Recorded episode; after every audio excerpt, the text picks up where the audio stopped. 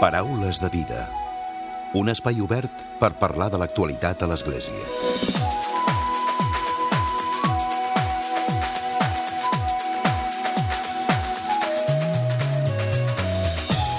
Què tal? Salutacions i molt bon dia, molt bon diumenge. La Fundació Salut Alta ha posat en marxa aquest últim mes de novembre una campanya de microdonacions econòmiques per impulsar l'acompanyament que diuen és el pilar essencial de la tasca socioeducativa que duen a terme. La campanya tenia per títol Espai per acompanyar i necessitava aconseguir 3.000 euros per potenciar l'acompanyament socioeducatiu que l'entitat du a terme amb infants i famílies del barri de la Salut de Badalona.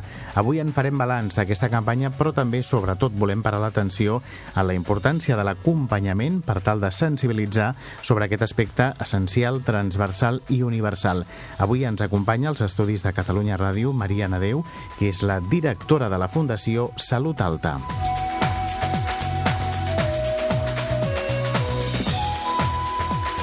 El passat cap de setmana es va celebrar la cinquena edició del Festival de Música Cristiana Canolic Music a Sant Julià de Lòria, tancant, diuen, la millor edició fins ara per la implicació dels participants i també pel nombre de músics i artistes que hi han volgut col·laborar i participar. En parlarem amb el delegat de joventut del Bisbat d'Urgell, Lluís Plana.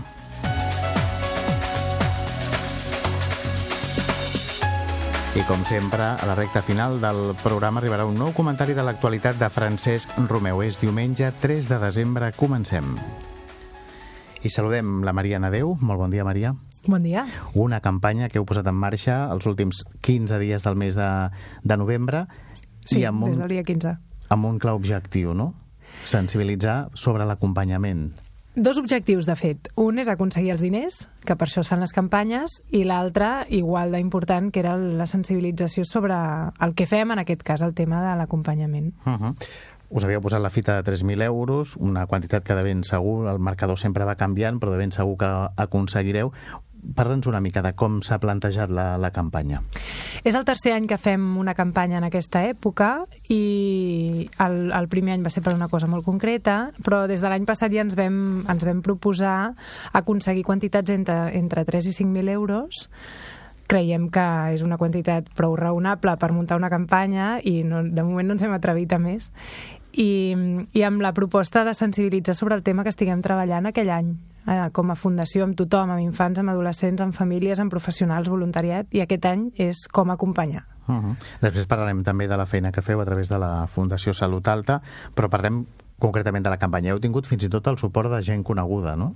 Sí, per donar una mica la nota i, i arribar més lluny, perquè sempre és la, la inquietud d'aconseguir nova gent que no ens conegui eh, vam inventar això de les càpsules de vídeo diari, on vam preguntar tot de gent famosa a través de xarxes nostres, personals i d'amics, eh, què vol dir per ells acompanyar, i, i la veritat és que hem tingut bastant ressò, fins i tot al final ens arribaven vídeos de gent que s'animava veient els altres com ho feien. No? De fet, amb persones, no? amb l'Àngel Llàcer, amb en Quim Masferrer, mm -hmm. no? en Tomàs Molina, veig a, a la nota. Sí, amb gent de rac amb, amb, actors de Merlí, amb bueno, gent de TV3, del món de la ràdio, del món del periodisme, del món de la música, música infantil, la Tresca i la Verdesca, la Pegatina... Sí. La societat catalana és solidària? Sí, jo penso que com a societat estem molt conscienciats de les necessitats que hi ha al nostre entorn i de la necessitat de, de participar-hi.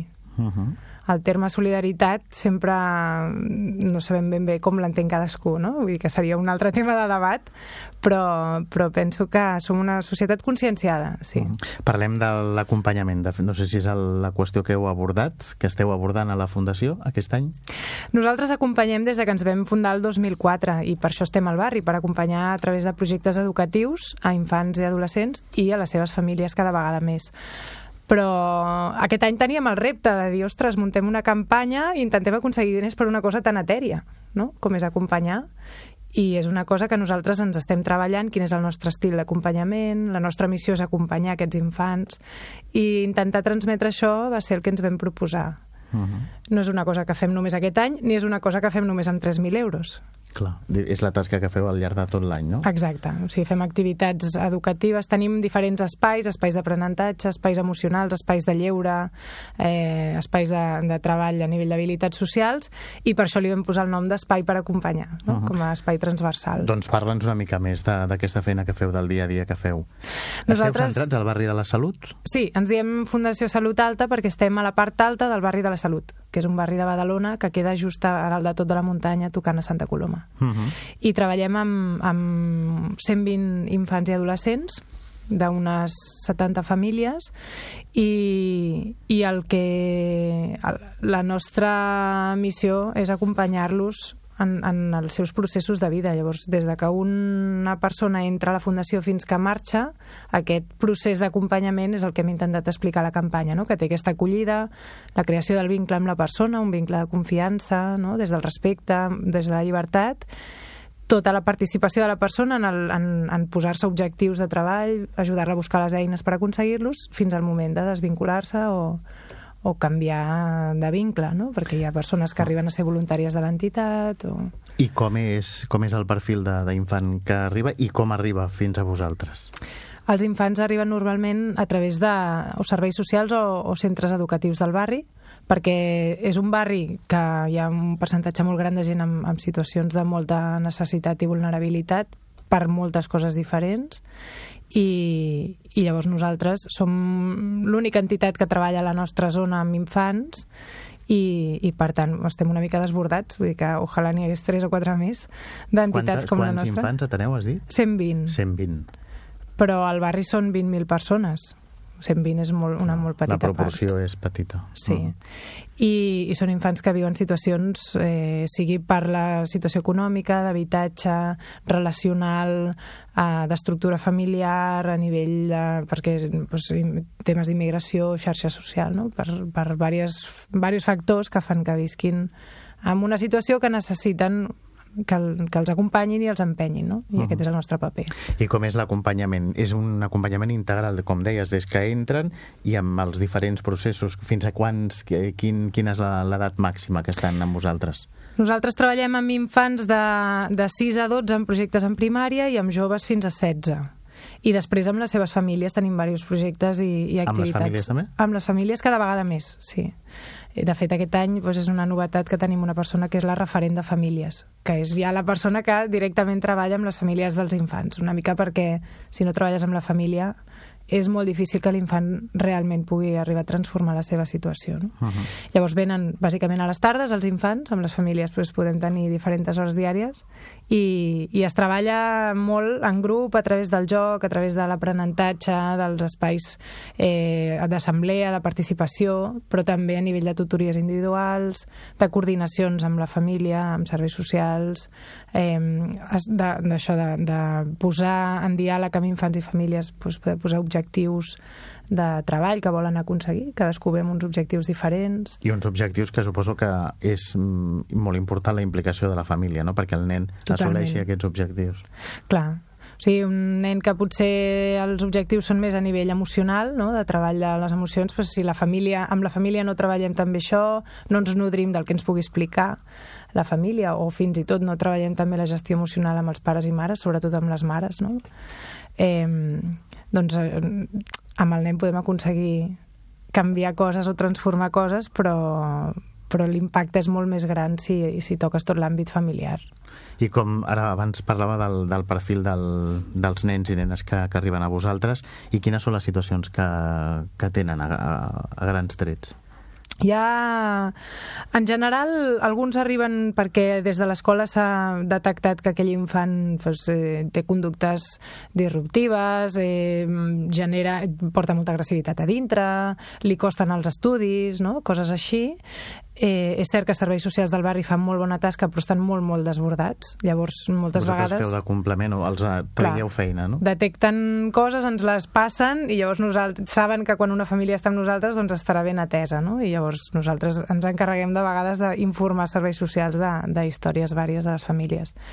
I llavors darrere vas desgranant, no? Pues te n'adones de situacions d'habitatge molt precàries, no? Infrahabitatge, habitatges compartits, per exemple, en el que, clar, si un infant viu eh, en en un lloc on no té seguretat, no pot tancar amb clau, potser comparteix pis amb algú, eh, amb una altra família que no coneix, eh, amb adolescents al voltant i en un barri on hi pot haver certs models que eh, els pares preferirien no, no reproduir. Eh, a més a més no entén la llengua, potser els pares són analfabets. Bueno, hi ha molts factors diferents no? que es donen per circumstàncies vàries i que quan s'ajunten eh, dos o tres o quatre o cinc o més d'aquests factors fan que aquesta persona pues, pugui estar en situació vulnerable o de risc d'exclusió. No? Uh -huh. I les famílies són receptives quan hi ha l'ajuda la, de pel mig? En general hi ha llista d'espera i els infants fins i tot mm, eh, s'enorgulleixen de venir, no? És com un esplai de tarda. I les famílies eh, sí que hem anat treballant perquè ens vegin molt com un recurs d'ajuda no? I, i elles mateixes sàpiguen que és un espai on si s'impliquen poden ser elles mateixes el motor de transformació de la seva situació. Llavors, en aquest sentit, menys alguns casos concrets per situacions familiars concretes, sempre hi ha hagut molt bona rebuda. I costa molt la desvinculació. De fet, com deies, no sé, hi ha infants que després continuen col·laborant amb vosaltres de voluntaris. Sí, Sí, sí, hem anat treballant perquè hi hagi aquest voluntariat intern. Tenim un projecte que es diu Cadena de Referents, que, que justament és això, no? que un infant que ha estat eh, ha rebut pues, l'ajuda d'un voluntari que hagi pogut venir a l'entitat, després ell pugui ser o ella pugui ser voluntària amb els més petits i així anem fent la cadena, no? Uh -huh. I és una manera de mantenir-los vinculats a l'entitat, de, de promoure la seva participació i que més endavant pues, puguin participar en un altre lloc que no sigui la Fundació Salut Alta. Dos qüestions abans d'acabar la gent que ens estigui escoltant, per si volen col·laborar amb vosaltres, què han de fer?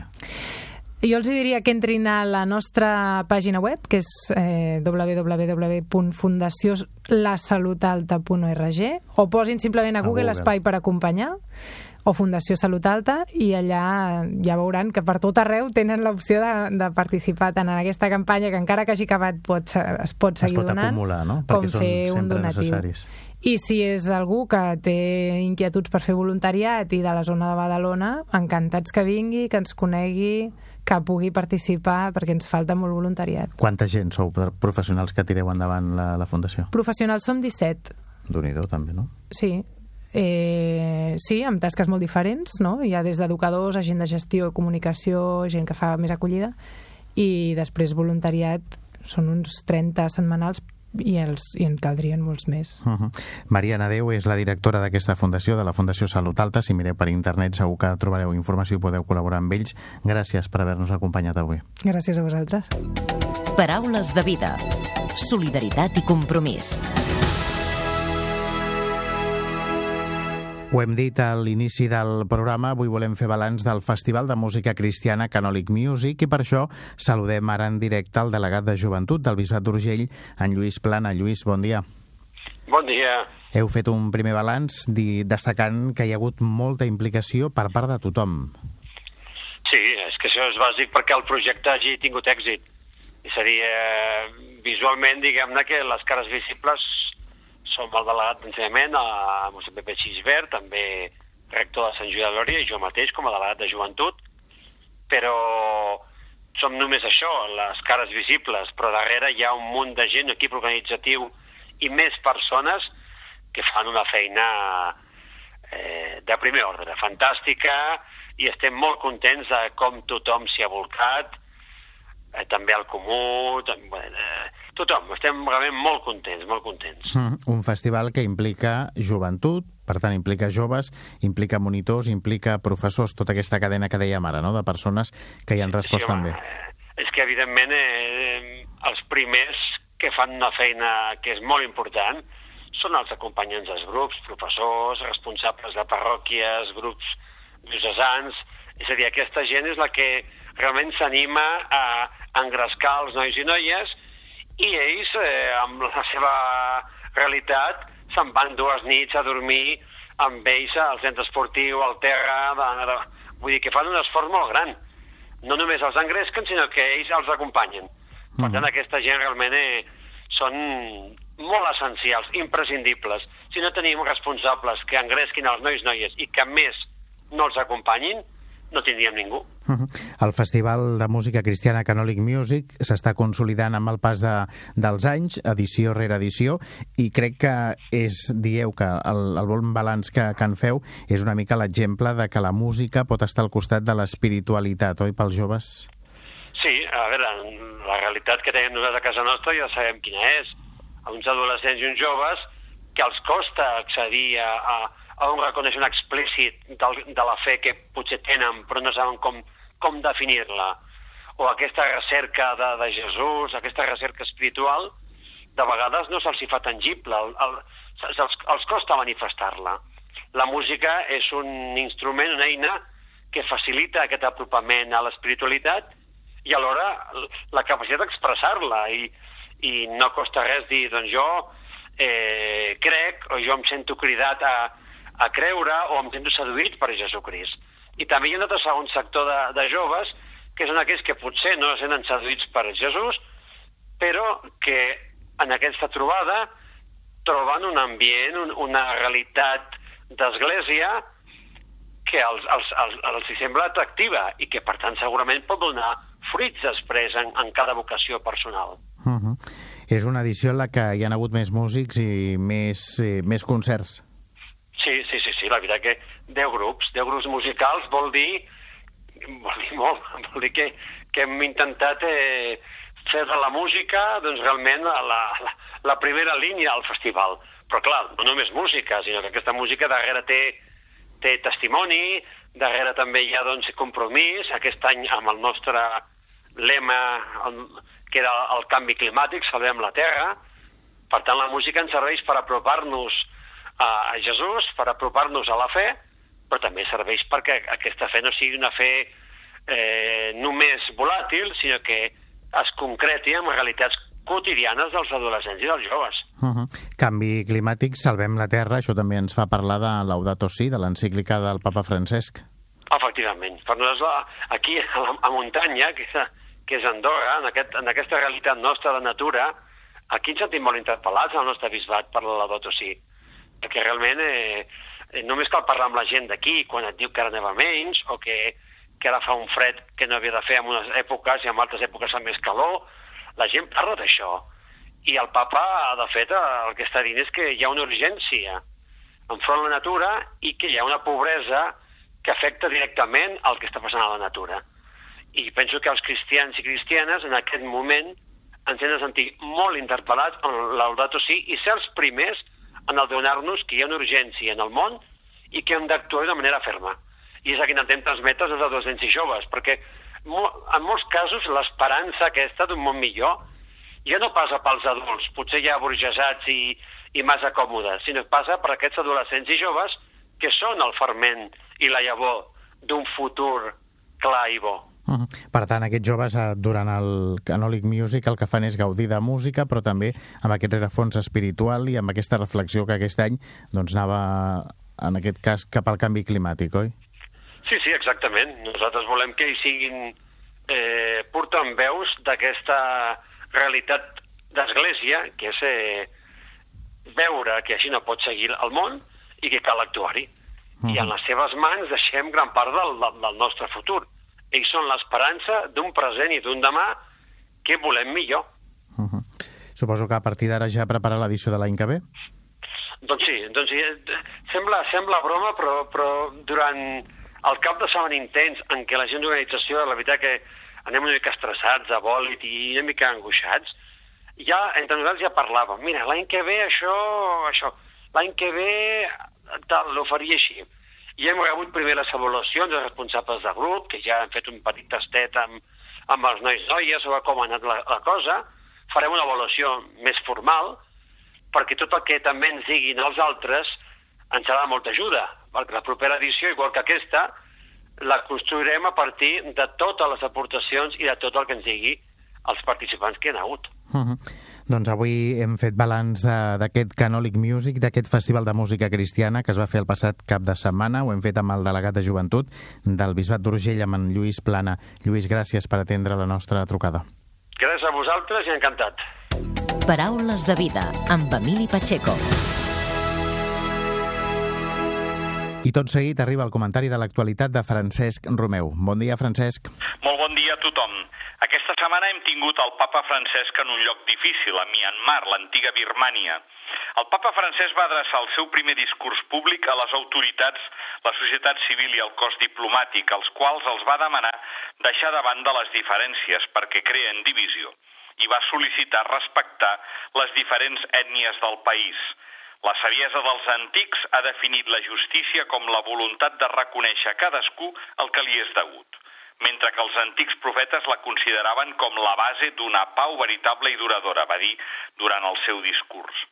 El papa francès va subratllar que el futur del país ha de ser la pau, basada en el respecte de la dignitat i dels drets de cada membre de la societat, en el respecte per cada grup ètnic i la seva identitat, en el respecte per l'estat de dret i un ordre democràtic que permeti a cada individu i a cada grup, sense excloure ningú, oferir la seva contribució legítima al bé comú. Evidentment, tothom va entendre que deia això en clara al·lusió al conflicte amb l'ètnia dels anomenats Rohingya, el col·lectiu musulmà que és exclòs del país i que diplomàticament li van demanar al papa que ni tan sols podia esmentar el seu nom en els discursos. He vingut especialment per pregar amb la petita però fervent comunitat catòlica d'aquesta nació, per confirmar la fe i encoratjar-la a seguir contribuint al bé del país, va dir en començar la seva intervenció en el Myanmar International Convention Center, a la ciutat de Naipidau, el papa francès va dir que desitjava veure aquesta decisió com un senyal del compromís de la nació per continuar buscant el diàleg i la cooperació constructiva dins de la comunitat internacional, així com també per seguir esforçant-se a renovar el teixit de la societat civil. Sobre el procés de pau que viu el país, va expressar la dificultat del mateix, però es va mostrar convençut que la reconciliació nacional només pot avançar a través del compromís amb la justícia i el respecte dels drets humans. En parlar de les diferents confessions religioses, va apuntar que no han de ser una font de divisió i desconfiança, sinó més aviat un impuls per la unitat, el perdó, la tolerància i una sàvia construcció de la nació. Les religions poden jugar un paper important en la cicatrització de ferides emocionals, espirituals i psicològiques de tots els que han patit en aquests anys de conflicte. El papa Francesc va opinar que es tracta d'un gran signe d'esperança el que els líders de les diverses tradicions religioses d'aquest país, amb esperit d'harmonia i de respecte mutu, s'esforcin a treballar junts en favor de la pau, per ajudar els pobres i educar en els autèntics valors humans i religiosos. Va tenir també paraules cap als joves, als quals va dir que el futur del país està a les seves mans. Ells són un regal que cal apreciar i encoratjar una inversió que produirà un fruit abundant si se'ls ofereix oportunitats reals d'ocupació i una educació de qualitat. El futur de Myanmar, en un món interconnectat i en ràpida evolució, dependrà de la formació dels seus joves, no només en el camp de la tècnica, sinó sobretot en els valors ètnics, ètics de la honestedat, la integritat i la solidaritat humana que asseguren la consolidació de la democràcia i l'augment de la unitat i la pau a tots els nivells de la societat. El segon dia del papa Francesc es va iniciar amb una reunió interreligiosa amb representants catòlics, anglicans, budistes, hinduistes i jueus, els quals va recordar que tot i les diferències han d'estar units per viure en pau i va demanar no deixar-se portar per les colonitzacions culturals. Després d'un dia a la ciutat de Ragun i abans de dirigir-se a Naipidau, el pontífex va mantenir aquesta trobada en què va agrair la seva generositat per acudir-hi. En el moment en què vosaltres parlàveu em va venir al cap una oració, una oració presa del llibre dels Salms. Que bonic és veure els germans units. Units no vol dir iguals. La unitat no és uniformitat, va dir el papa Francesc. El Sant Pare va afegir que cada confessió té les seves riqueses, les seves tradicions per donar, i això només pot ser si vivim en pau. La pau es construeix en el cor de les diferències. La unitat sempre es dona en la diversitat. Un de vosaltres va usar la paraula harmonia. Aquesta és la pau. El papa va assenyalar que nosaltres vam experimentar una tendència cap a la uniformitat. Això és marcar la humanitat, això és una colonització cultural. Nosaltres hem d'entendre la riquesa de les nostres diferències ètniques, religioses i populars.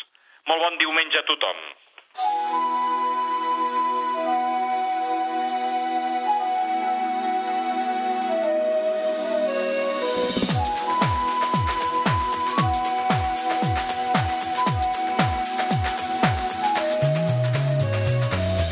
Fins aquí el Paraules de Vida d'aquest diumenge. Us recordo que podeu recuperar el programa al Facebook i al Twitter. En Diego Monroy ha estat el control tècnic i qui us ha parlat l'Emili Pacheco. Que passeu bon diumenge i una molt bona setmana. Us oferim la carta dominical de l'arcabisbe de Barcelona, Joan Josep Omella. Déu us guard. Avui, primer diumenge d'Advent, iniciem un nou any litúrgic, un nou camí del poble de Déu amb Jesucrist i acompanyats de Maria. Ella ens ensenya a esperar la vinguda del seu fill. És el moment de deixar-nos guiar per Maria. La Mare de Déu apareix en la penombra de l'Advent com la flor més lluminosa que ens dona l'esperança. L'Advent és el temps marià per excel·lència. En aquest sentit, a l'inici d'aquest temps litúrgic, celebrem la solemnitat de la Immaculada Concepció en què el poble cristià celebra que Maria va ser preservada de qualsevol màcula de pecat original i enriquida amb la plenitud de la gràcia des del primer moment de la seva concepció. L'any 1854, el papa Pius IX va proclamar el dogma de la Immaculada Concepció fonamentant-se en la fe de l'Església sobre aquest misteri marià.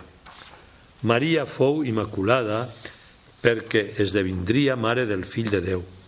L'Esperit Sant fou enviat per santificar el seu sí, per disposar-lo a acollir el fill. Sant Sofroni, bisbe, deia a Maria en un sermó Sou realment beneïda entre les dones perquè si per naturalesa vau ser dona, en veritat us convertireu en Mare de Déu. Per ser la Mare del Salvador, Maria va ser dotada amb uns dons a la mesura d'una missió tan important, diu el Concili Vaticà II. Maria va ser guiada en tot moment per la gràcia de Déu. La figura de Maria de Nazaret pren un relleu especial en el cor de l'Advent. Ella ha acollit la paraula en el seu cor de verge i en el seu sí maternal, la paraula que s'ha fet carn de salvació. Realment, Maria és l'arca de la nova i eterna aliança. Des d'aleshores, Déu és l'Emmanuel, el Déu amb nosaltres. En aquesta celebració i en aquest temps d'Advent, tots som convidats a fixar el nostre esguard sobre la humilitat, sobre l'esperit generós de servei i sobre l'exquisida caritat de Santa Maria. I som espontàniament inclinats a immergir-nos en la dolcesa inefable d'aquells nou mesos que Maria fou sagrari vivent de l'esperança feta ja presència en ella. El poeta Joan Maragall ho va expressar bellament en la seva poesia La nit de la Puríssima, en la qual diu Aquesta nit és bé una nit divina. La Puríssima del cel va baixant per aquest blau que ella il·lumina, deixant més resplendor en cada estel. Per la nit de desembre ella davalla i l'aire se tempera i el món calla davalla silenciosa. Ai, quina nit més clara i més formosa. Fins aquí les paraules de Joan Maragall. En efecte, Déu va voler que la Immaculada fos bella als seus ulls i perfecta davant la mirada dels homes, però ho va voler sense que deixés de ser una dona, sense restar res a la seva feminitat. Al contrari, sublimant el seu amor, la seva delicadesa, la seva sensibilitat i la seva entrega generosa als altres. El papa Pau VI deia al filòsof cristià Jean Guiton en Maria es va realitzar la intenció divina de fer de l'ésser humà el rèflex, la imatge, la fotografia, la semblança de Déu. Quan les dones, les esposes i les mares s'emmirallen en Maria, realitzen adequadament la seva gran vocació com ho va fer ella. Que de la mà de Maria puguem aprofitar aquest temps d'Advent per disposar-nos interiorment a acollir Déu que es fa present en les nostres vides. Benvolguts germans, que Déu us beneixi a tots. Us hem ofert la carta dominical de l'arcabisbe de Barcelona, Joan Josep Omella.